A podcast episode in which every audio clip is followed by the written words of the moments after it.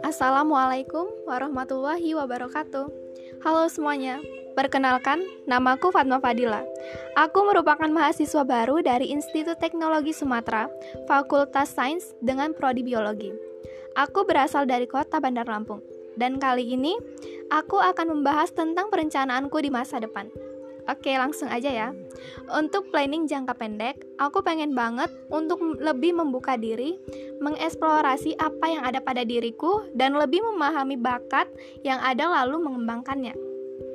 Selain itu, aku juga ingin sekali memiliki usaha sendiri yang dapat dilakukan dari rumah. Karena sekarang ini lagi masa pandemi dan diharuskan di rumah aja. Aku ngerasa kalau memiliki usaha sendiri dari rumah merupakan ide yang bagus. Planning jangka menengah. Seperti kebanyakan mahasiswa lainnya, aku juga berharap dapat lulus tepat waktu, mendapat IPK tinggi, dan dapat mengikuti semua kegiatan kampus sebaik-baiknya dan juga menikmati setiap prosesnya. Planning jangka panjangku.